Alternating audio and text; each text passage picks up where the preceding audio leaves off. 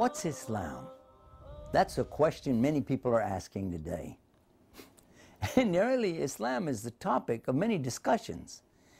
Yet very often people don't really have the essence of the meaning.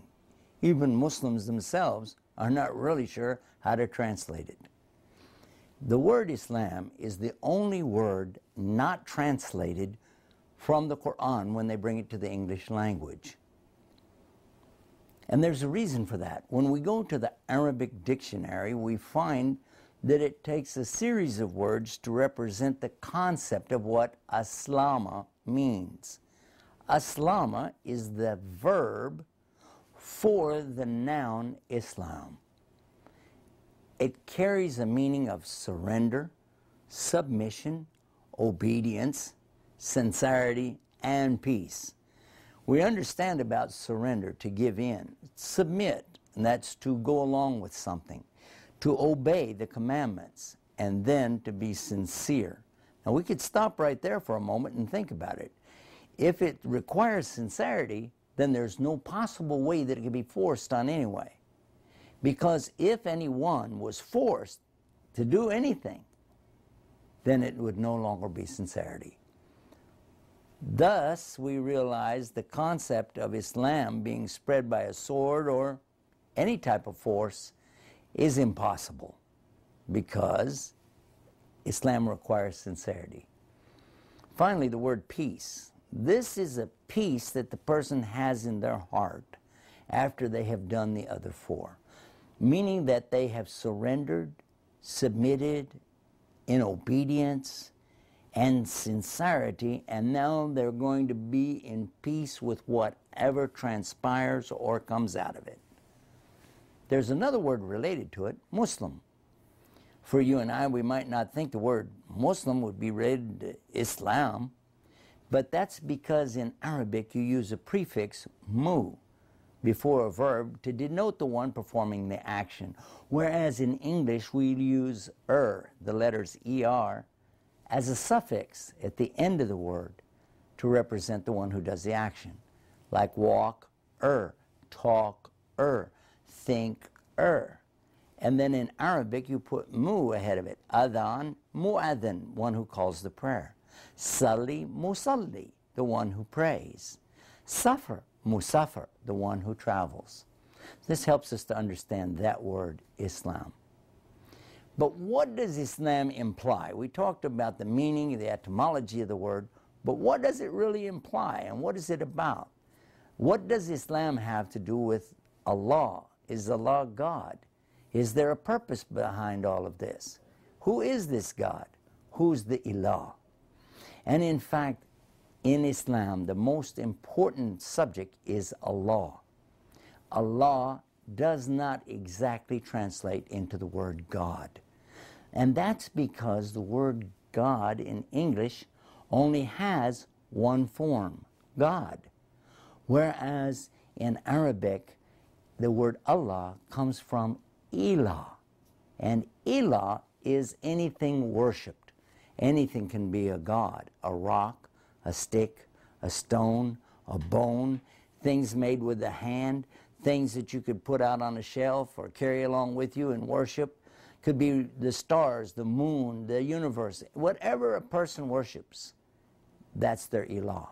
Even their position in life, who they are, their degrees, their job, their wealth, their position as a human being. All of these things are ilaha gods. But in English, you don't have a proper noun for the one and only God. So what they do is take the word God and make a big G out of it and say this is the proper noun. Whereas in Arabic, you can take ilah and then you have Allah and it doesn't just mean the God because that would be al-ilah. But Allah is the actual name of the one and only God. And you don't have to worry about capital letters in Arabic because there aren't any. You can hear it clearly Allah, the one and only to be worshiped. Now, is this the God of the Arabs as Muslims? Yes. What about Arab Christians? Did you know there are Arab Christians, Arab Jews? They use the exact same word. In fact, In the Arabic Bible, which by the way is much older than the English Bible, you find the word Allah on page one of Genesis 17 times. That's right. And in the New Testament, you will find it very easily in almost any hotel or motel you go to because when you pull open the little drawer by the bed, you'll notice that there's a book in there, the Bible. You turn a few pages, you'll see examples of the translations of the Bible into different languages. And the second language is Arabic. And the phrase is taken from John 3:16, for God so loved the world. And the word for God there is used is Allah. Now, what about the belief in Muhammad? Is that something that is similar to Christianity or Judaism? Well, for Christians who believe in Abraham, as Jews believe in Abraham, as being the first or the progenitor of this monotheistic belief, the belief in one God, then the answer would be yes, because this is what Muhammad taught. In fact, many people don't know this, but Muhammad, peace be upon him, he is a direct descendant from Abraham. Yes, by the way of his son Ishmael. So Ishmael is well known to be the father of many of the Arabs today, and it is from him, through Abraham, Ishmael, that we find others who come all the way down to the Prophet Muhammad, peace be upon him. What about the other prophets that came by way of Isaac from the other branch of Abraham? Well, we know Moses, don't we? And David and Solomon, and of course Jesus. And we say, Peace be upon them all. This is very important for Muslims to always say that. Peace be upon them. What was it that Abraham, Moses, David, Solomon, and Jesus had in common with Muhammad? Peace be upon all of them. Do you know what it was? It was the message that they brought to their people. Abraham taught the people to worship God directly and not be involved in false worship or pagan worship. Moses, my gosh, that's very clear, isn't it? When we look to the Ten Commandments, we find immediately the very first commandment is that you shall not have any other worship except for the one God. Thou shalt not have any other gods beside me, is the way God ordered Moses to write it down, isn't it? And David, with his Psalms, and Solomon, of course, they were on the exact same thinking. Their beliefs were not just similar, they were identical. And then Jesus, peace be upon him. Many people will tell you that Jesus says this or he said that, but when we look to the Bible, you know what we find? We find that it wasn't Jesus who had these different opinions and ideas, it was actually Paul. The quotes from Jesus in the gospel are so identical to the prophets before, you can't help but notice it. For instance, in Matthew 5:17, when Jesus says, Think not that I came to destroy the law and the prophets. I came not to destroy, but to fulfill. And not until all things are accomplished shall a single dot or jot or iota or tittle be in any wise lessened. So we see right away that he was saying, I'm holding up the Torah, the law from before. Then when we look further into the book of Mark, we see what is the greatest of all commandments. That's in 1229 the book of Mark. And, and look what it says. When somebody was asking him, What's the greatest commandment? According to the English translation I have, it said that Jesus responded, It is to know, O Israel, the Lord your God is one Lord, and you have to love him with all your heart and your mind and your strength. So, uh, obviously, we know now that this message was very important worshiping God alone without partners. And that's exactly what Muhammad, peace be upon him, was trying to do with his people at his time in Mecca because they had strayed far away from their great ancestor Abraham. They still performed some of the rituals, but without the proper belief. They still made a circumambulation around the very place that Abraham had built, along with his son Ismail, or Ishmael in English. And do you know and this is an amazing thing when you think about it. These people were actually thinking they were doing exactly the same as their ancestors, but their ancestors had strayed so far away that all they had was the physical representation without any of the proper beliefs.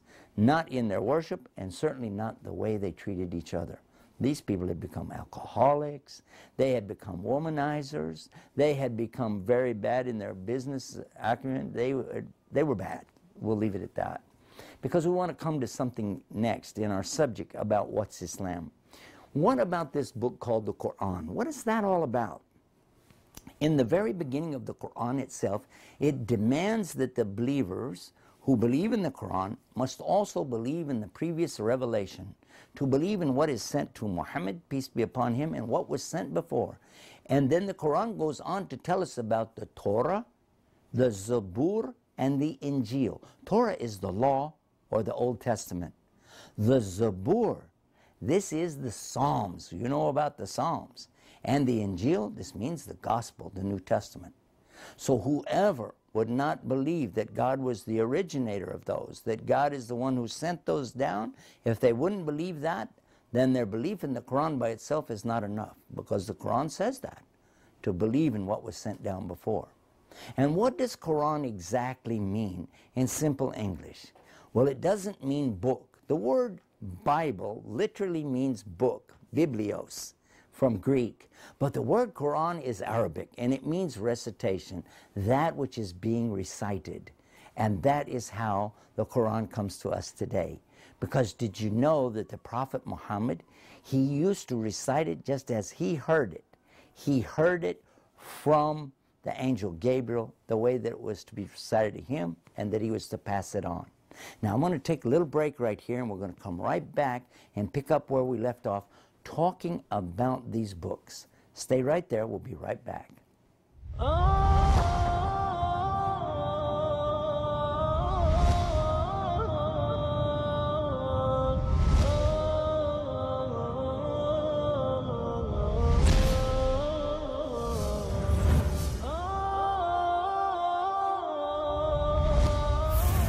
Islam? Again, we come back to the very same question. What does all of this have to do with Islam? Well, we talked about what the word meant, and then we talked about what the word Muslim meant. We talked about the word Allah. We found that Allah meant the name of the only God to worship. We talked about the prophets of Almighty God, and we even talked about their message teaching people to worship only one God. We got into the subject of the books. We mentioned Torah, Zabur, Injil, and Quran. All of these came from the same God, Allah. And all of these carried the same message that your worship is more than just your belief, you have to put it into practice. But why? Why is all of this together? What are we talking about here? Well, this is to help us solve a bigger problem the purpose of life. A human being, regardless of who they are, or where they are, or what they do, will have this curiosity. They'll want to know, why am I here? How did I get here? And do I have a purpose? And if so, what is it?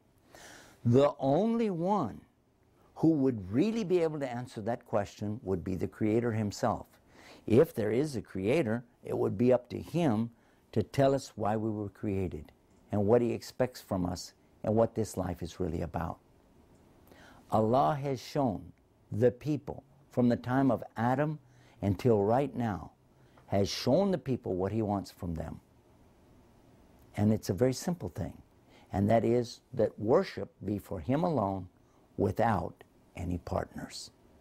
In fact, we know this life to be a test from Almighty God.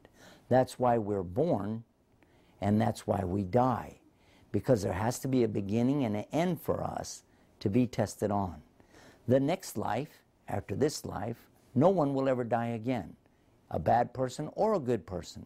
Both are brought back and they continue to live in the next life, either in good shape or not so good shape, depending on how they did on the test. So we're going to be talking about a test based on worship. The worship of the God of Abraham. That was what was taught by these prophets. and that the person who's doing this is a servant, a worshiper, a slave. After all, consider the word Islam. What does it mean? Surrender, submission, obedience, sincerity, and peace?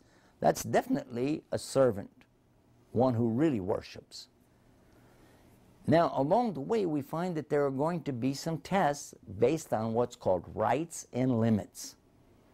There are rights. God has the first right of all the right to be worshiped alone without partners, the rights of the prophets to be obeyed by their followers.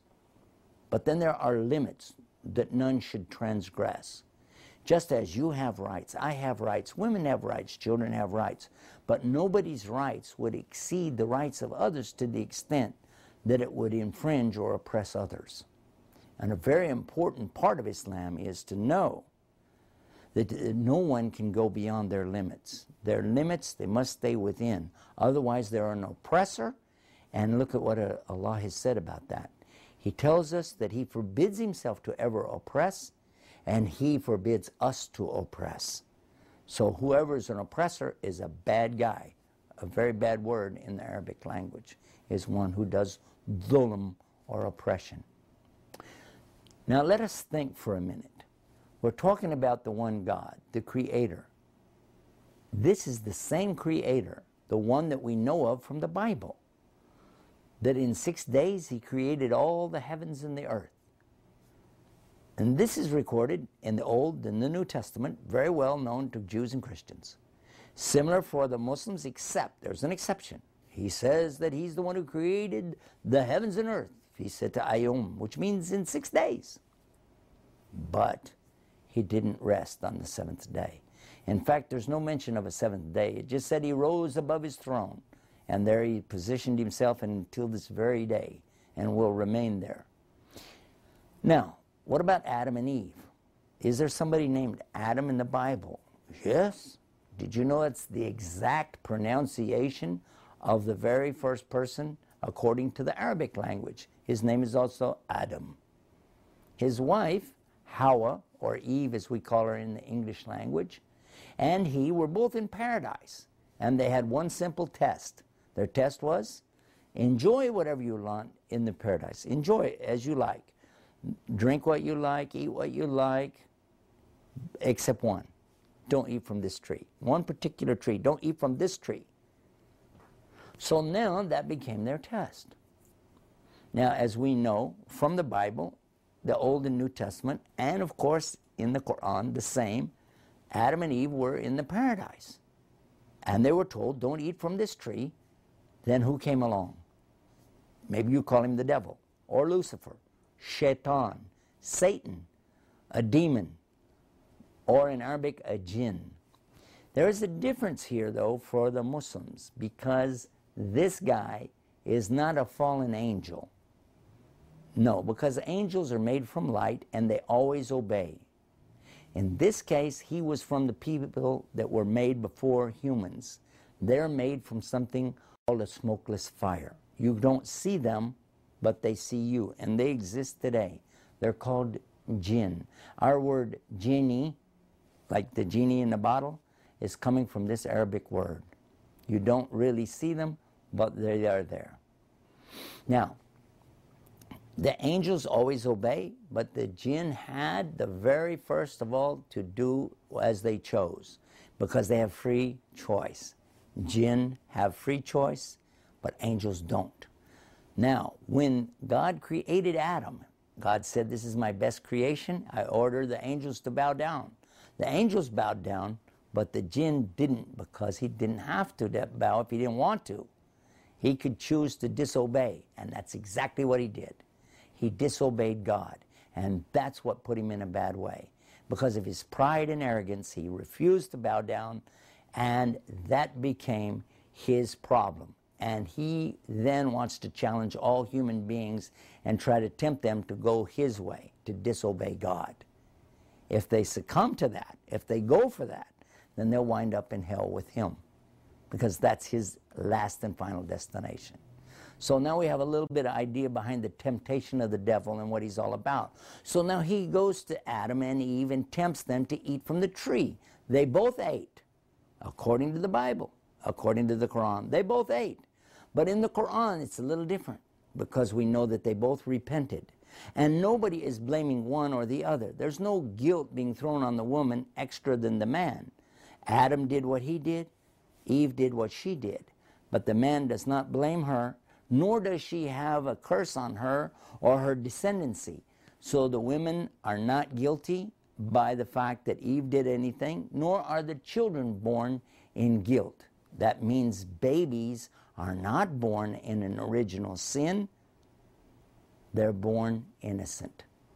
Innocent as a newborn baby. so, what's the purpose of life? Again, it's a test. What is the worldly life? According to Islam, the devil tempts us. Let's take a look at the oldest of the books in the Bible, according to some of the scholars, is the book of Job. We find Job is also in the Quran. In Arabic, his name is Ayub. Whether you're a Jew, a Christian, or a Muslim, if you speak Arabic, you will call Job Ayub. Now, he lost his wealth, he lost his health, he lost his family. He had very serious trials and tribulations. Now, I want you to think about it. What did he do? He was tempted. He was tempted very much. Just curse God and die. That's what the Bible says. Somebody told him, just curse God and die. You give up. But he was patient and he persevered. In fact, we use that expression today, the patience of Job. And so he had that patience. We find this in Islam as well. And it's a lesson to teach us. Here's a great prophet, and he was so patient. And what did he do? Persevered, and as a result, he came out much better in this life and the next life. The same is for you and I if we'll be patient. Very good example. Let's take another example from the prophets. You have a book of Jonah in the Bible in the Old Testament. Jonah is also in the Quran. His name in Arabic is Yunus.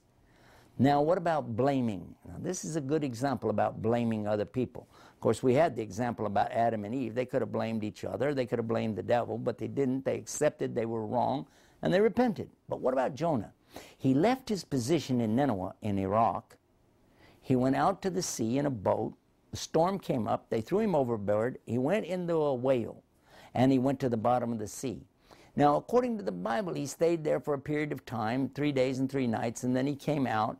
But it doesn't tell us the lesson the real lesson comes when we read the Quran, we find that he would have stayed in that whale until the day of judgment had he not repented and blamed himself instead of anyone else. Because he'd been blaming the people where he lived because they wouldn't accept the message of worshiping one God. So that's why he left. But now he realized it was his own mistake. And look what he said in the Arabic language La ilaha illa ante inni kuntum mini dhalamin. There is no God to worship except you, Allah. The glory and majesty is to you, and for sure I did the dhulam, wrongdoing, oppression to myself. I went beyond the limits, and I'm wrong, and I repent of that. I'm sorry, in other words. So look at that, another good lesson. Let's come to some of the other prophets. In fact, I want to go to immediately to Jesus right now. Jesus, peace be upon him, as a, according to the Quran, he's the Messiah or Messiah. He is the chosen. He is the Christ or Christos. If you know the Greek, he was Christos, which became Christ. He's the Logos, the Word. He's the virgin birth, the immaculate conception. He cured sick, healed the lame, even gave sight to the blind, and even brought a dead man back to life. This is in the Quran. And it tells us he did all of this by the permission of Allah to show the people that he was, in fact, the very one that they'd been looking for. He was the Messiah, and he was the chosen. He was the Christ to them. Why didn't they accept him? And many of them rejected him, and only a few really followed him. But he was, according to the Quran, the very person they should have been watching for. Now, where is Jesus now? According to Islam, he's with God. God pulled him up, and he's with God now, and he's coming back in the last day. How? Alive. He left the earth alive. He's with God alive, and he will return alive. Similar to the way that Jonah went into the whale alive, stayed in the whale for a while, alive, and came out alive. That's one of the signs that we know by. Now let's come to the next prophet, Prophet Muhammad. We know that Jesus is coming back in the last day, but let's talk about the last messenger. After Jesus, peace be upon him, there was one other final messenger who came from the other branch of the Abrahamic faith. The last of the ones from Isaac is Jesus, and the last from Ishmael is Muhammad. And what did he teach us?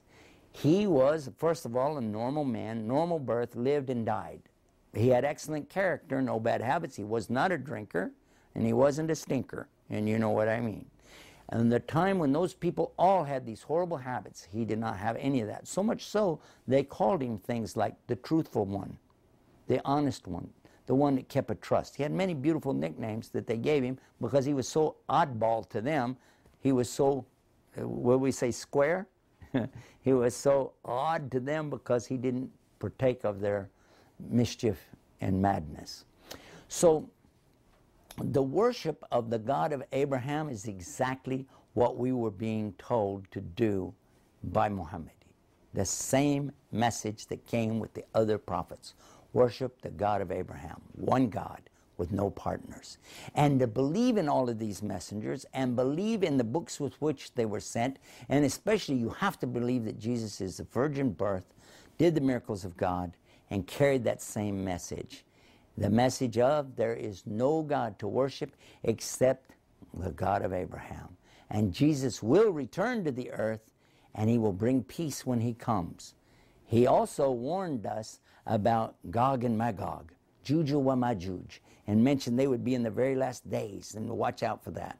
Also, that the Antichrist, in fact, several impostors, would come claiming to be Jesus or the Christ back on earth. But don't buy it. Don't go for that. It's not real. The temptations of the devil will continue to the very end of life. That devil is not going to give up. He thinks he's got us and he'll keep trying. So we have to keep working and doing what? Believing in one God, doing righteous deeds, and repenting when we make mistakes. That's it. There's a couple other little things I could mention and that is that since those days, 1400 years ago till now, we've been surprised to find how many scientific proofs there are. By taking what's being taught in the Quran and the teachings of Muhammad, many of the things that could not be explained at that time are clearly now signs and proofs that the Quran could only have been from the creator of the heavens and earth the proofs about the universe itself and how it works and how the earth is turning and how it's round. Proofs about the human being, how they're conceived inside of the mother and how they develop in the different stages and trimesters. Things that were only known maybe in the last 50 to 60 years are mentioned in the Quran. And I would like to also mention there are six beliefs that Muslims have to have belief in God, His angels, His books, His prophets, the day of resurrection, and the destiny of Almighty God. And five actions. These actions must be there or it's not complete. To bear witness to your belief in the God and the Prophet Muhammad, peace be upon him. To perform the worship or salah five times a day, fast the month of Ramadan, pay the charity or poor due, and to perform the pilgrimage or Hajj. That sums up what's Islam. For more, visit our website, whatsislam.com.